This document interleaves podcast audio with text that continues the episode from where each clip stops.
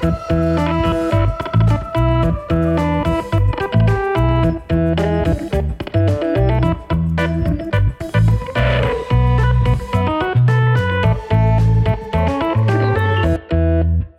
goedemorgen, goedemiddag, goedenavond of wanneer je dit ook luistert. En welkom bij The Brief, de podcast over content, marketing en media. Of nog specifieker, welkom bij Briefly, de thuiswerkerseditie van onze mooie show. Vandaag is het, even kijken, 7 april, uh, afleveringetje nummer 12. Dat betekent dat we er gisteren niet waren, omdat we er, en dat is denk ik typerend voor deze tijd, simpelweg qua planning niet uitkwamen. Uh, Matthijs werkte s middags, ik werkte s ochtends. Onze ploeg zat uh, uh, te wachten op, op wanneer wij zouden gaan opnemen. Maar we kregen het simpelweg niet rondgebreid qua planning. Dus vergeef ons daarom. maar ik, ik, ik, ga ervan uit dat je er begrip voor hebt. Want je zit ongetwijfeld in dezelfde situatie als waar wij in zitten. Um, betekent wel dat we zijn begonnen aan een nieuwe week. Week 4 van de quarantaine. En ook deze nieuwe week begin ik met aan de andere kant van de lijn mijn waarde vriend en collega Matthijs Stielman. Hallo. Matthijs, hoe is het ermee? Het is goed hoor. Het is, uh, ja? ja, het is uh, een lekker dagje. Ik heb er zin in. De ochtendshift, altijd een betere shift. Dus uh, ja. Ja, nee. Ja, het, het, denkt jouw vriendin daar trouwens ook over? Of is dat helemaal yin, en yang in, in balans? Nee, nee, we hebben allebei wel echt de, de, de voorkeur voor de ochtendshift omdat je dan gewoon uh, allebei gewoon uh, ja, fris je werk ingaat. En als je de ochtend al uh, met kleine man hebt doorgebracht, dat, ja, dat kost je stiekem toch ook gewoon best wel wat energie. En dan moet je je smiddags nog even opladen om, om nog even te knallen tot een uur of zes. Dus wij hebben allebei wel zoiets van, we werken liever in de ochtend dan, dan in de middag. Maar ja, goed, we wisselen hem gewoon netjes af om de dag. Oké. Okay. Dus en hoe... ja, um, wel, wel goed. Ik heb uh, toevallig afgelopen zondag bij ons op kantoor mijn bureaustoel en mijn monitor opgehaald. Omdat ik dacht, uh, uh, nog een vierde week door, door, deze, door deze chaos heen met een, met een kromme rug, dat, dat ga ik niet trekken. Dus dat, dat heeft me veel gebracht, moet ik zeggen. Ik heb gisteren echt een lekker dagje kunnen werken. Ja, goed zo. En, maar ik vind ergens ook wel weer die berusting in de situatie een beetje eng.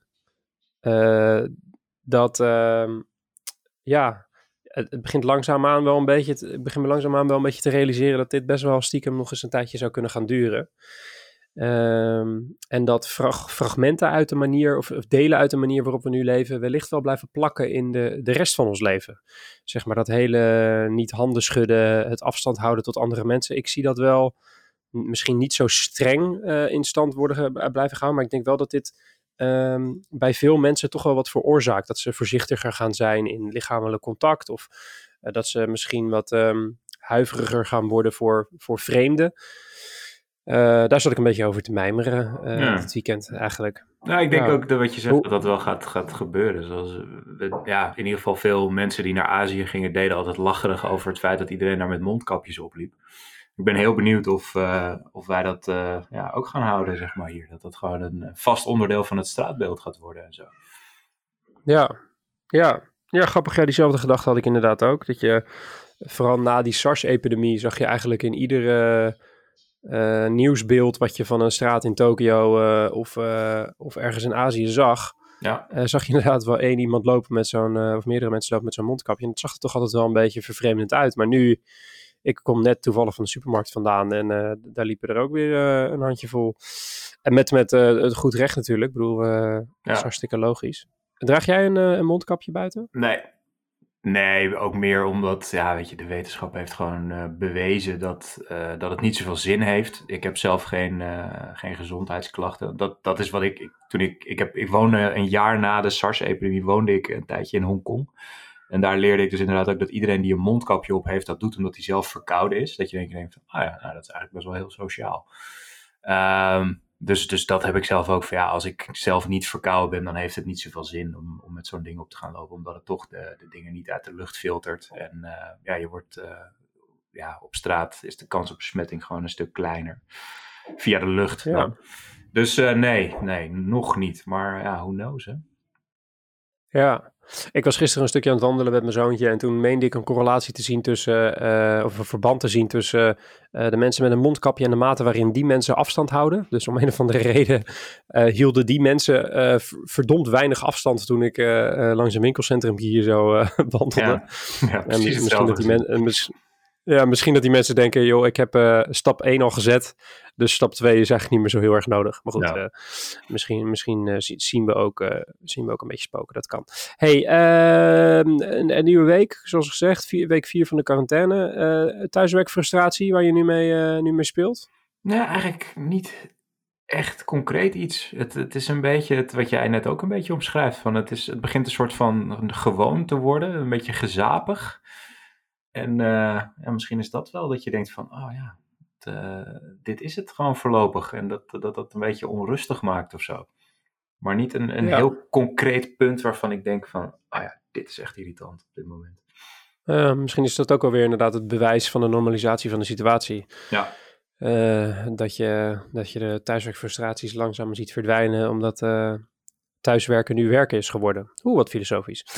um, uh, de mijn is broodlunch. Ik kan dus niet, ik kan heel slecht, dat weet jij. Ik, ik word echt bijna depressief van, van brood bij de lunch. Ik wil eigenlijk altijd iets warms eten of iets, weet ik veel, een salade desnoods, als moet.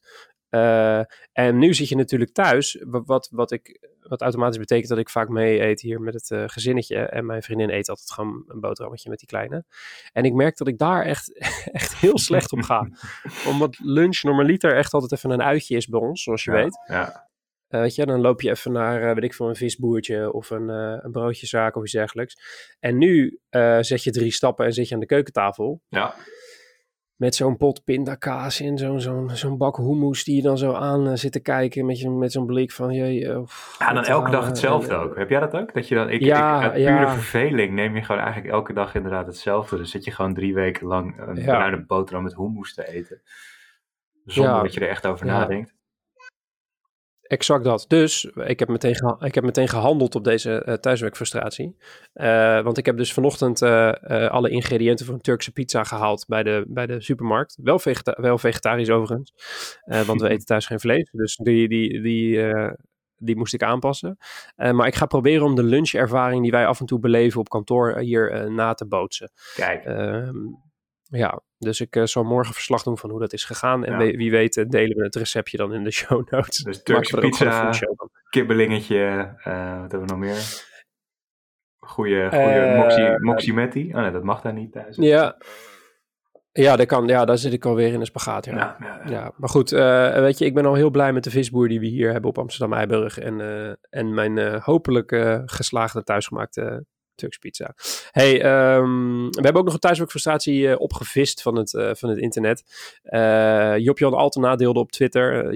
Job is senior PR, PR-adviseur en persvoorlichter bij CP, CPMB. Dus die zit in de boeken. Ehm, die twitterde, thuiswerken gaat 24-7 door. Hoe stop je dat? Ook kromme rug en nek en al drie weken geen enkele beweging meer. En normaal ga ik drie keer per week sporten. En dan ben ik de enige die s'morgens na het ontbijt direct... eh, en ben ik de enige die s'morgens direct na het on- ontbijt de laptop openklapt en vergeet zijn tanden te poetsen.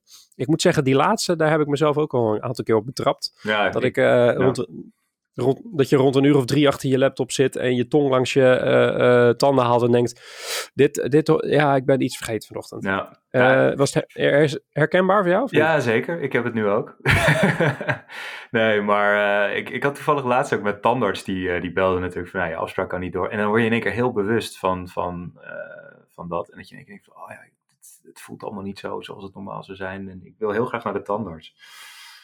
Ja, snap ik. Maar ja, die ook dicht. ja, dit is echt volledig, eh, volledig herkenbaar, ja. Alleen dat, dat 24-7 door, moet ik zeggen, dat, dat, eh, ja, dat heb ik wel redelijk onder controle. Het is gewoon, eh, ja, het is gewoon streng zijn voor jezelf, Job Jan. Kom op. Even een beetje, een Nou ja, beetje streng zijn. precies. Be- beetje, stre- beetje streng zijn, Job-Jan. Wel bedankt voor het, eh, eh, voor delen. Of, of je dat nou bewust deed of onbewust. Wij, wij, kapen gewoon die hashtag eh, van je. Zullen je ook even mentionen, zodat je weet dat je hier bent genoemd. Enfin, heb je zelf een thuiswerkfrustratie als je zit te luisteren? Deel die dan via de hashtag thuiswerkfrustratie. Of DM eh, Matthijs of mij eventjes. En dan lezen we hem wellicht op in de show morgen. Win je verder gereed mee, behalve dan eeuwige roem. Ehm, de beste content die je hebt gezien, Matthijs. In het weekend heb je wel even tijd gehad, denk ik. Vertel. Ja, nou, ik heb, het ik heb het over de jaren heen gezien, maar eh, eh, tof nieuws is al ietsje ouder, maar eh, voor deze tijd. Perfect geschikt is dat alle films van de Japanse studio Ghibli, die staan al op Netflix of ze komen op Netflix. Ze worden een beetje gefaseerd gereleased. Maar ja, dat is voor, voor de filmliefhebber gewoon fantastisch nieuws. Voor iedereen die het niet kent, Studio Ghibli is een, een, een Japanse anime-studio.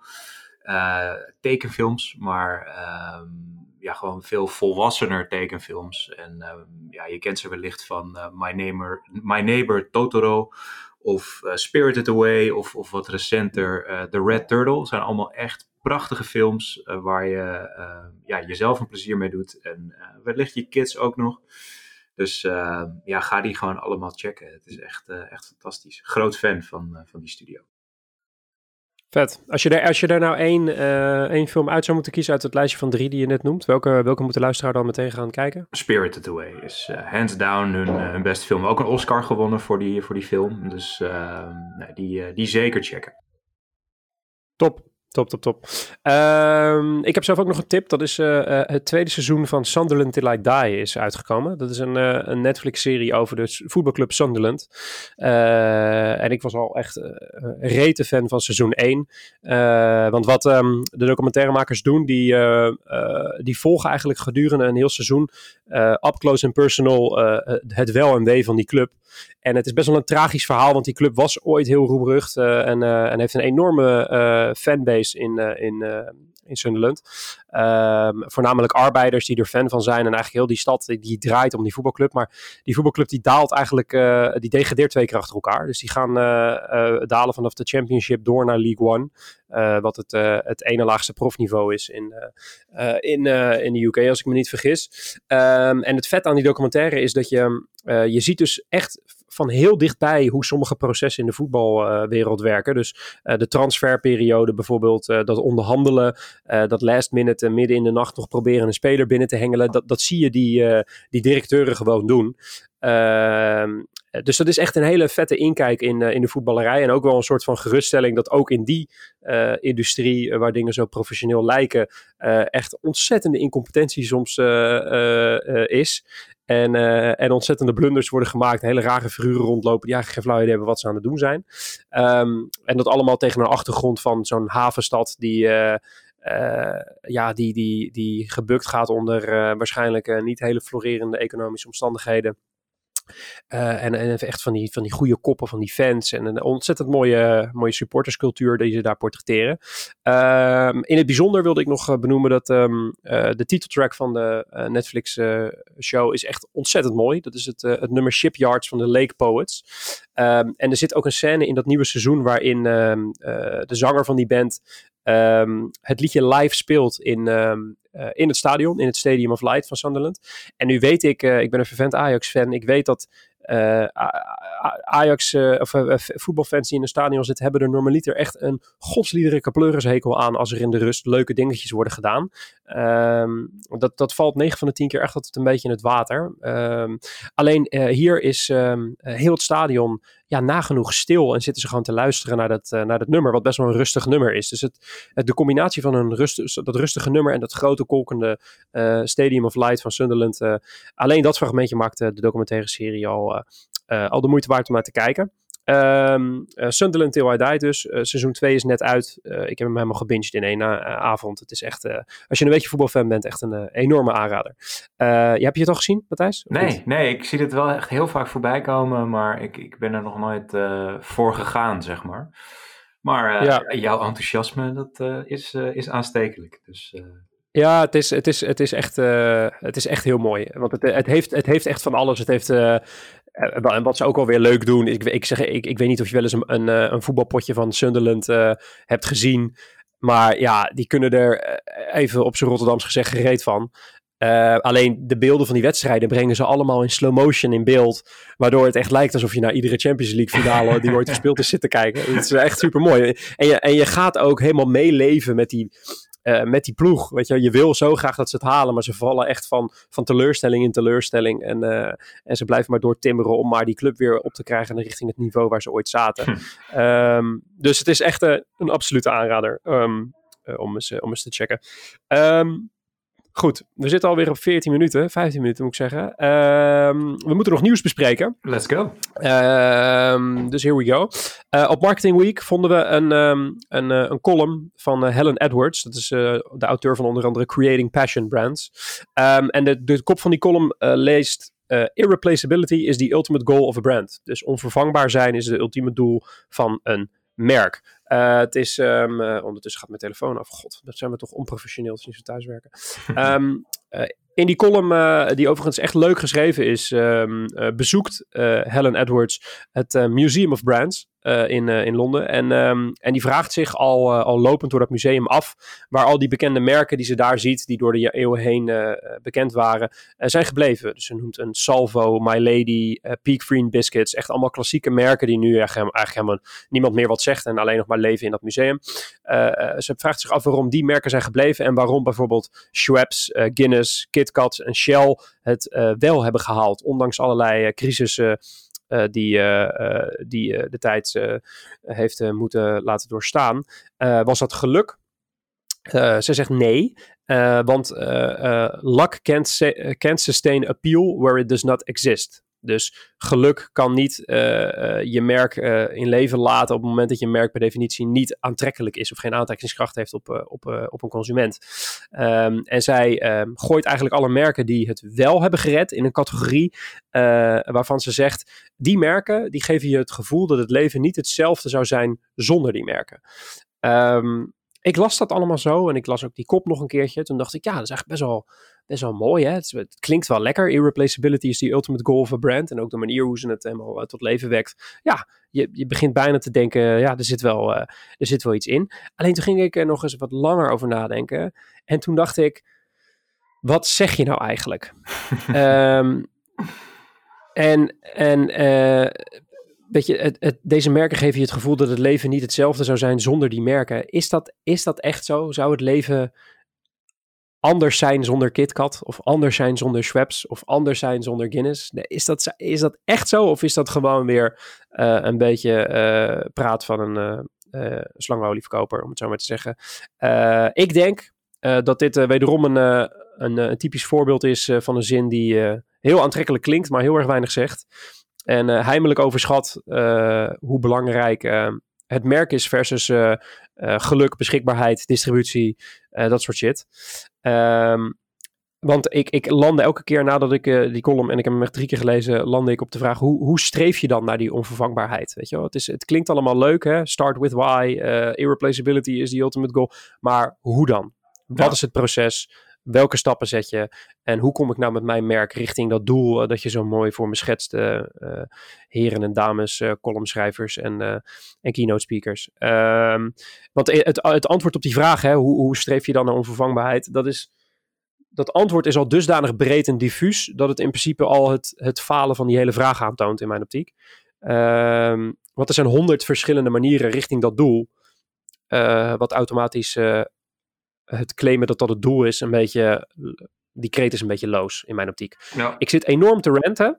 ik heb jou nog niks horen zeggen, Matthijs. Dus of je bent het grondig met me eens, of uh, ik word nu neergesabeld door de stratege in de ruimte. Nee, nee, nee. Ik kijk, uh, punt 1, het voorbeeld van Shell aanhalen. Nou ja, ik denk dat, dat een groot gedeelte van de wereld eh, Shell graag zou willen vervangen op dit moment. Uh, met iets. Dus, dus uh, dat is al vreemd. Uh, volgens mij, dit is ook klassiek zo'n voorbeeld van ja, weet je, in, uh, als je, hoe zeg je dat, als je, als je terugkijkt is alles duidelijk. Dus uh, het is goed om daarvan te leren, maar ik ben meer benieuwd van welke van de merken die er nu nog zijn, staan onder druk om uh, niet meer onvervangbaar te zijn. En in die zin geloof ik ook dat, dat, ja, weet je, alle dingen die er staan, zijn wel vervangbaar. Weet je, het, zijn gewoon sterke merken die ook al lang bestaan. Um, maar ja, KitKat, ja, daar zijn genoeg alternatieven voor. Uh, Schweppes Tonic, ja, daar zijn ook genoeg alternatieven voor. Dus uh, ja, wat je zegt, het is, natuurlijk wil je onvervangbaar zijn, maar ik denk dat er maar, maar heel, heel weinig merken in de wereld zijn uh, die echt onvervangbaar zijn. Dat als je de tent sluit, dat, dat de pleuris uitbreekt, zeg maar. Um, dus ja, ik denk dat het, het is inderdaad gewoon een heel nobel doel. Maar ja, inderdaad, hoe dan? Hoe gaan we dat fixen? En um, ja, daar, daar komen ze nooit mee. Dus het is inderdaad, het leest lekker nee. weg. Het, uh, het is een interessant verhaal. Ja, precies wat je zegt. Het, het, is een beetje zo van net weinig genoeg zeggen, zodat het wel lijkt substantie te hebben. Maar op het moment dat je denkt van nou oké, doe maar dan maar een beetje van dit, fix het maar. ja, dan blijft het denk ik toch wel akelig stil. En kom je gewoon terug bij de traditionele uh, brand en, en marketing aanpakken van ja, zorg voor een goed product, zorg voor goede distributie, let op je prijzen en de overige van de P's die, die er nog zijn. Ehm, ja, dat. Ja, ja, eens. En uh, ergens, ik, ik vind ook ergens een soort. Uh, maar dat komt misschien ook omdat uh, wij allebei werken bij een bureau wat gewoon een beetje haaks denkt ten opzichte van traditionele reclamebureaus. Is ik vind het, er straalt een bepaalde mate van arrogantie uit ten opzichte van degene, ten opzichte van het publiek, ten opzichte van de doelgroep. Ja. Het idee dat je als merk belangrijk genoeg in het leven kan zijn van je publiek, uh, wiens leven vele malen rijker is dan de scope van je merk, uh, vind, ik, vind ik arrogant en, ja, en, um, en niet realistisch. Nee, ik ben, ik ben een leuk boek aan het lezen. Dat heet How Not to Plan. En daar staan ook allemaal van dit soort voorbeelden in. En uh, is van Les Binet, overigens aanrader voor iedereen die, die ons strategievak erg interessant vindt. Um, en daar staat ook een hoofdstuk, en dat doe ik nu even uit mijn hoofd, ik lees het niet voor, dus het kan zijn dat het niet helemaal klopt. Maar hij zegt ook van, uh, de mensen die jouw merk kopen, zijn mensen die tijdelijk niet het merk van je concurrent kopen. En zo moet je ze ook behandelen. Um, want inderdaad, dingen zoals loyaliteit en, en dat soort zaken, die zijn uh, ja, flink overschat. Um, en, en dat, ja, wat jij zegt, dat zit daar ook gewoon in. Dat, dat mensen van, oh oké, als ze maar gewoon ja, als, als wij willen dat ze ons merk kopen, dan doen ze dat ook. En, en uh, consumenten staan wel iets wakkerder in hun gedrag, denk ik. Uh. Ja, ik denk ook, hè, kijk, het, het, eh, ik zat ook een beetje na te denken over wat is dan volgens ons het ultieme marketingdoel. Uh, of, laat ik eens voor mezelf spreken, volgens mij. Uh, ik, ik denk dat je als merk naar maar één ding hoeft te, te streven om succesvol te zijn. En dat is toestemming van je lezer om met ze te praten. Uh, en dat is een, volgens mij een veel, een veel pragmatischer doel en een veel tastbaarder doel om naar te streven.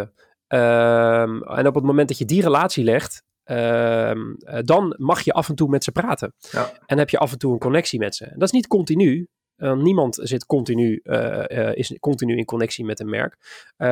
maar zolang je die toestemming vraagt, zolang je ze aan je bindt, op ja. een manier of de ander, um, uh, heb, je de kans om daadwerkelijk een, een, boodschap over te brengen in mijn optiek. Ja, het sleutelwoord uh, wat je noemt is, is, relatie. En, en relatie is, is uh, give and take, weet je wel. En ehm, ja, dat betekent dat je zeker in het begin meer moet geven dan dat je neemt. En eh, ja, dat, eh, daar geloof ik ook heilig in. Ja, Oké, fijn. Fijn dat wij in ieder geval op één lijn zitten. En als we mevrouw Edwards ooit tegenkomen op een uh, congres, dan, uh, dan krijgen we ruzie. Gaan we lekker discussiëren. Uh, lekker discussiëren, heerlijk. We zitten er fel in. Um, het tweede nieuwsitem van vandaag. je advertentie naast coronanieuws, goed of slecht idee? Op Marketing Week lezen we een, een analyse van um, eye-tracking partij Lumen. En die hebben onderzocht wat, de, wat de, je advertentie naast coronanieuws nou doet op het gebied van aandacht en op het gebied van visibility, dat soort gekkigheid allemaal meer. Um, ze claimen dat print advertising momenteel 21% meer aandacht krijgt dan, de, dan de norm. Um, en ook dwell time, dat is een metric uh, die aangeeft um, uh, hoeveel tijd men daadwerkelijk spendeert uh, aan het daadwerkelijk consumeren van de ad, dus het kijken naar de advertentie, blijft ehm, relatief sterk op het moment dat je het te zien bent naast coronanieuws. Um, print is dus iets gestegen. Ik dacht misschien komt dat omdat we met meer rust en aandacht nu uh, uh, de krant uh, lezen. Dat zou natuurlijk kunnen. En digital is een heel klein beetje gedipt volgens dit onderzoek. Um, misschien komt dat omdat we effectief gewoon meer achter de computer zitten natuurlijk. Dat, zou kunnen. Um, nu weet ik dat we, wij zijn natuurlijk onderdeel van Mediahuis. Uh, grote uitgever. En wij uh, bieden, Mediahuis biedt eigenlijk twee verschillende oplossingen aan, aan adverteerders. Dat is dan wel brand safe, dus buiten het coronanieuws om adverteren. Dan wel, wel ernaast, dus gewoon op maat gemaakte campagnes die er wel gewoon naast verschijnen. Dus we zijn redelijk flexibel daarin en kunnen eigenlijk allebei de dingen bieden. Ehm, dit stuk was best wel scherp ingestoken en zei eigenlijk, joh, maak je niet druk, je moet er juist naast staan, want nu is de aandacht groter dan ooit. Um, ik weet, ja, dat, dat, daar heb ik wel een mening over. Maar laten we eerst even kijken wat, wat jij ervan vindt, Matthijs. Nou, ik vind dat, dat de titel van het artikel ehm, wordt niet, de, de, vraag die gesteld wordt, wordt niet beantwoord. Want wat ze kijken is, ehm, het is super logisch dat mensen nu meer nieuws consumeren, aandachtiger lezen. Punt 1, we hebben meer tijd. En punt 2, iedereen heeft een enorme behoefte aan informatie rondom deze hele crisis. Dus we consumeren meer. Um, maar uh, dus, dus automatisch wordt er ook meer tijd besteed op pagina's waar advertenties bij staan en dat soort dingen. Maar wat zij vragen of het een goed of slecht idee is, dat wordt niet beantwoord. Omdat er niet getest wordt van wat is het effect van jouw advertentie naast een artikel over corona versus een artikel wat gaat over, uh, weet ik veel, de, de nieuwe film van Steven Spielberg. Um, dus je weet niet wat het effect is. Het feit dat meer mensen het zien en dat mensen er nou ja, uh, langer naar kijken volgens deze informatie, uh, betekent niet dat het per definitie goed is voor je merk om daarnaast te staan. En uh, ja, dat, dat is de moeite die ik heb met al dit soort nieuwsberichten van ja, een, weet je, um, meer uh, engagement en weet ik wat allemaal. Dat je denkt, you don't know. Weet je? Het is gewoon drukker op je site. Het is, uh, dus je kan meer impressies uitleveren. Maar wat dat nou precies doet met je merk, dat weten we nog niet. Nee, exact. Dat is het probleem wat ik hier een beetje mee heb. Maar, maar goed, daar is wel meteen een mooie brug te slaan. Dat, dat, het is natuurlijk wel bij uitstek een, een periode waarin je je boodschap, uh, als je die nu gewoon test vooraf, gewoon van wat doet het met mensen, weet je. Um, wat voor effect heeft het? Irriteert het mensen juist dat het rondom dit nieuws uh, jouw boodschap gebracht wordt of niet? Um, ja, test het. Dan weet je het zeker. En dan uh, ja, ben je niet meer afhankelijk van dit soort uh, clickbaity titels, zeg maar. Ja. Ja, ja, wat dat betreft vind ik het wel. ja, het is een beetje preken voor eigen parochie. Of misschien een beetje de slager die zijn eigen vlees keurt. Maar ik vind het wel indrukwekkend hoe, um, hoe de, de, de data units bij, um, bij Mediahuis hier op zo'n korte termijn mee om zijn gegaan. Die hebben echt binnen een gierend tempo hebben ze, uh, uh, hebben ze manieren gevonden waarop ze uh, zowel advertenties kunnen ontsluiten van die, van die coronacontext. en ze zijn gewoon aan het, hard aan het testen om, om te kijken wat het doet met effectiviteit en dergelijke. Ja. Um, en nu zitten er volgens mij ook wel in ieder media deal uh, zitten, zit onderzoeken meegegeven. Uh, dus dat wordt altijd goed onderzocht. Uh, maar het is een ehm, interessante, ja, interessant onderwerp. Um, wat, wat belangrijk is om te bespreken, omdat je gewoon ziet dat die bezoekerscijfers, die gaan natuurlijk echt door het dak heen. De exacte cijfers moet ik de luisteraar even schuldig blijven, maar ook binnen eigenlijk volledig, het volledige nieuwstitelportfolio en ook de lifestyle titels uh, schieten die bezoekerscijfers echt door het dak heen. Ja. Um, dus het is voor merken echt belangrijk dat ze daar nu uh, aandacht uh, voor hebben, want daar liggen gewoon mooie kansen. wat betreft het artikel, ja, het is, het is wederom een, een zoektocht naar één definitief antwoord. En dat, dat bestaat natuurlijk niet. Dus um, ja, uh, als er een advies is, dan zou dat wat mij betreft uh, gewoon zijn: praat met de experts, de experts in media en de, en de experts in, uh, bij je bureaus. En, en ga op zoek naar een op maat oplossing voor jouw merk. Weet je, want je, we zitten in zo'n unieke situatie dat zelfs dit soort onderzoeken uh, te weinig zeggen, wat mij betreft. Ja. Um, dus nu meer dan ooit moet je gewoon op zoek als merk zijn naar je eigen verhaal, uh, vind ik. Uh, Matt, Yes. Uh, laatste nieuws, nieuwsitem wat jij ingebracht en gaat over mijn uh, nieuwe hobby, hè? begrijp ik. ja, het gaat over, ja, een beetje het algemeen is natuurlijk e-sports uh, is, is ja, de, de grote winnaar, als je het zo mag zeggen, van deze hele situatie. Dat mensen zijn volle bak aan het gamen geslagen, maar ook aan het streamen en aan het kijken van die livestreams. Dus, dus waar de fysieke sporten niet door kunnen gaan, um, ja, is, het lijkt wel alsof iedereen bovenop e-sports gesprongen is. Uh, Nielsen heeft wat, wat, cijfers gepubliceerd over Amerika.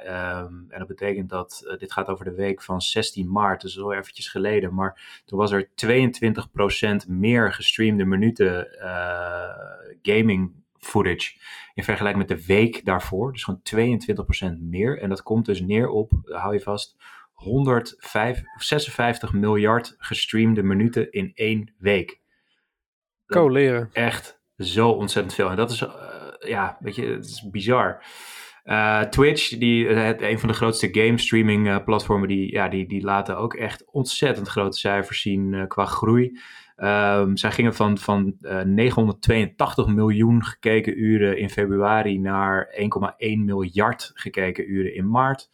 Um, ja, en dat komt mede doordat er allerlei e-sports dingen gaande zijn. Zo is er ESPN Sports Day. Um, dus dat is, is uh, live gaming events, maar ook, uh, ook opgenomen footage van, van gaming uh, van het afgelopen jaar. Um, ja, en het is dus een hele marathon die, die de wereld ingeslingerd wordt met, met Madden NFL. Dus, dus het American voetbalspel wat al, al jaren meedraait. maar ook allerlei andere soorten spellen. En een groot voorbeeld hiervan is natuurlijk ook Formule 1. Dus die, de, alle Grand Prix zijn gecanceld. En wat ik wel heel tof vond, is dat een aantal van die coureurs gewoon hebben gezegd van oké, fuck it, we gaan gewoon het, het officiële Formule 1 spel spelen. Online, met wie er mee wil doen. En we gaan gewoon die race rijden met kwalificaties en weet ik wat allemaal erbij. Uh, dus er zaten gewoon professionele Formule 1 coureurs uh, die raceten tegen de e-sports gasten. Maar het leuke is dat er ook gewoon ja, random mensen meededen, professioneel voetballers. Zo uh, begreep ik dat uh, Thibaut Courtois van, uh, wat is het, Real Madrid uit mijn hoofd, als ik het goed heb. Ja. keeper. Oh, fijn dat ik die goed heb, hè. Um, die, die heeft gewoon een Formule 1 coureur verslagen tijdens zo'n e-sports race. En dus er gebeuren echt, echt hele lijpe dingen. En die, die race die werd zelfs live uitgezonden op Ziggo Sport. Uh, ja, dus, dus e-sports gaat echt wel, uh, echt wel mainstream, zeg maar. En uh, ja, ik vind het heel tof om te zien. Ja, kijk, het is. Uh, ik, de, ja, ik denk dat dit, dit gaat de, de e-sports natuurlijk een enorme boost geven. En inderdaad, sommige van die games gaan echt wel richting de mainstream getrokken worden. Ook het kijken ernaar. Ik moet zeggen dat ik, ik speel dus zelf, zoals de luisteraar weet, Call of Duty Warzone. En ik betrap mezelf er nu ook op dat ik s'avonds, als mijn vriendin een Netflix-serie kijkt, dat ik dan gewoon naar die, naar die, die professionele kiddo's zit te kijken die dat spel heel goed kunnen spelen. nooit gedacht dat ik dat zo vermakelijk zou vinden, maar um, ja, het, het, ja, je gaat ze toch een beetje volgen en, en het is toch vermaak. Ja. Uh, heel grappig. Kijk, je zit wat, wel, wat gaat er je gebeuren wel... op het moment dat, dat straks de competities weer, weer live gaan, zeg maar? Wat, wat, wat gaat er dan gebeuren, denk je? Nou, kijk, ik, uh, wat we denk ik onderschatten is het effect van, um, van um, reality sports. In de zin van dat het, dat, dat het, dat is geen term, die verzin ik nu net, maar dat um, het, het effect van een stadion, ook al is het op afstand, hè, ook al kijk je via Fox Sports naar je favoriete NFL-team of je favoriete voetbalteam, dat is toch een ander ding dan een, de digitale ervaring. Alleen al denk ik om het feit dat een mens zich heel goed kan verplaatsen in een ander mens waar die naar kijkt. Uh, ik denk, bedoel, kijk naar animatiefilms versus echte films. Daar is denk ik een beetje hetzelfde uh, aan de gang. Je kan een, uh, een animatiefilm nog zo mooi maken, maar ergens zal het overgrote merendeel van het publiek een echte film toch altijd meer appealing vinden. Waarschijnlijk, en dit is een beetje psychologie van de koude grond, omdat ze zichzelf beter kunnen verplaatsen in de hoofdrolspelers. En op het moment dat ik denk, de, ik, op het moment dat echte uh, sport uh, dus dus in de real world um, weer gaat starten, dan zal je dat denk ik ook wel weer zien. Dat het overgrote merendeel wel bijna opgelucht weer het stadion inkruipt of achter zijn, uh, zijn Fox Sports abonnementje kruipt om, om de fysieke sporters ik probeer weg te blijven van het woord echte sporters. Want ik ben er wel serieus van overtuigd dat, dat e-sports is gewoon een sport. Het zijn gewoon atleten um, die heel hard trainen om iets te goed, goed te kunnen. Uh, waarmee ik indirect zeg uh, dat darten ook een sport is. Uh, wat, uh, wat me dan weer een beetje tegenstaat. Maar goed, prima. Uh, dat, is een, dat, is een off, dat is een offer wat ik graag maak. Um, dan is darten eigenlijk nog meer sport dan e-sport. Kom op. Daar is nog, nog enige vorm van fysieke activiteit. Ja, oké. Okay, maar okay, is schaken dan een sport? Ja, denksport. Ja, ik denk dus ook dat, dat je e-sports bijna meer moet gaan zien als denksport. Ja, en dat het in die ja, dat denk ik ook. Ja, in die zin is het net schaken. Je moet gewoon heel veel potjes spelen. Je moet je verdiepen in tactieken en, uh, en, en, moves. Ja, dat denk ik ook wel. Maar, maar jij zegt dus eigenlijk, als we even, terug, even teruggaan naar, naar het onderwerp. Jij zegt die, die piek die we nu beleven, die gaat gewoon keihard afnemen. Uh, als, als de echte stadions en de echte circuits en, uh, en dat soort dingen weer, weer open gaan. Dat denk ik wel, ja. Dat denk ik wel. Um, de, ik denk de manier voor e-sports om dit te Kijk, uh, wat, wat, ze gewoon missen is de live ervaring. En die bestaat natuurlijk wel. Hè? Ik bedoel, we kennen hier allemaal wel de beelden van, uh, uh, van die grote game toernooien waarin hele stadions vol zitten te kijken naar mensen die, die aan het gamen zijn. Ja. Maar goed, dat kunnen ze nu niet doen. Dus die, die bewijslast richting het mainstream publiek, die ontbreekt nu. Ja. Uh, stel dat, dat e-sports nu wel allemaal live events zou kunnen doen, ja, dan, dan overtuig je misschien mensen nog wat breder van, uh, uh, van de waarde en van die ervaring die eromheen hangt. Ja. Maar wat, wat dat betreft blijft het nog steeds gewoon kijken naar een schermpje. Ja. Um, en ik geloof er wel in dat dat live component en die live ervaring van sport, dat dat altijd de doorslaggevende factor zal zijn en het meeste publiek zal trekken. En ik denk dan dat je, ja, als ik Lionel Messi in het echt zie lopen op een veld, ja, dan, dan kijk ik daar liever naar. Mm-hmm. Dan, uh, dan een, een, een, voetbalspel, omdat ik gewoon mezelf erin in kan verplaatsen. En ook omdat de echte wereld niet bestaat uit codes, dus per definitie veranderlijker is dan een game. Ja. de, een game bestaat, hoe je het went of keert, toch altijd uit codes en patronen. Dus games zullen er altijd, zullen altijd minder flexibiliteit kunnen tonen dan, ehm, dan de echte wereld. En ik denk dat dat ook wel ergens uh, ja, ja, de aantrekkingskracht van sport is. Dat, uh, ja, dat, uh, dat alles kan gebeuren. Dus dat is een beetje mijn two cents eigenlijk. dat gezegd hebben, dat vind ik wel... ja, ik, ik vind het heel vet. En ik, ik ben dus wel heel erg overtuigd van... ik ben wel een van de mainstreamers die blijft plakken, laten we het zo zeggen. Ja, ja ik denk ook dat dat het is hoor. Dat, dat, kijk, e-sports was natuurlijk al best wel groot... maar behoorlijk onder de radar voor, voor velen van ons. Um, nu gaat het in één keer mainstream. Dus heel veel mensen zien in één keer wat voor wereld daarachter schuilt. En, en uh, een groot gedeelte van die mensen zal inderdaad als straks business as usual weer, uh, weer gaande is, weer weggaan. Maar ik denk wel dat het, uh, dat het de, de e-sports wereld net die credibility geeft die het nou, wellicht nog nodig had om, om wat meer geaccepteerd te worden. En, en zeker ook richting adverteerders te doen inzien ehm, dat het, dat het echt een huge business is. En uh, ja, dat het een mooie bump gaat geven in de hoeveelheid mensen die inderdaad toch wel blijft plakken. Dus uh, ja, gewoon een mooie, mooie groei. En ja, ik voorzie ook wel een mooie, mooie toekomst voor het hele e-sports uh, gedeelte. Tof. Tof. Uh, Oké. Nou, dit, uh, dit was hem weer, uh, ouwe reus. Uh, we, hebben, we zitten nu op de 37 minuutjes. Um, hoe ziet de rest van de dag eruit? Want het is nu twee voor negen, dus de werkdag begint zo. Ja, calls, calls, calls. Volgens mij gaan wij zo meteen samen een, een, call in. En ehm, ja. ja, dan tot een uur of één bellen en praten. En hopelijk nog een beetje werken tussendoor. Communiceren. Fijn. Fijn. Goed. Uh, dan spreek ik jou uh, uh, zonder microfoon straks en met microfoon weer morgen. Absoluut. Dankjewel. Um, mocht je nou iets hebben gehoord in deze aflevering waarvan je denkt, hey, daar zou ik meer over willen weten, dat uh, komt goed uit, want we zetten iedere verwijzing die we doen, dus het nieuws en de boeken die uh, Matthijs altijd tipt, die zetten we in de show notes. Die vind je in de beschrijving van deze aflevering of via de hele handige nieuwsbrief die we versturen. inschrijven op die nieuwsbrief doe je via wayneparkerkent.com slash briefly of het linkje in de beschrijving van deze aflevering. En dan heb je alle verwijzingen zo netjes op een rijtje in een mailtje in plaats van in zo'n labtekst in de beschrijving van deze aflevering. Ik vind het persoonlijk heel handig, misschien jij ook. dus dus uh, schrijf je daarvoor in als dat zo is.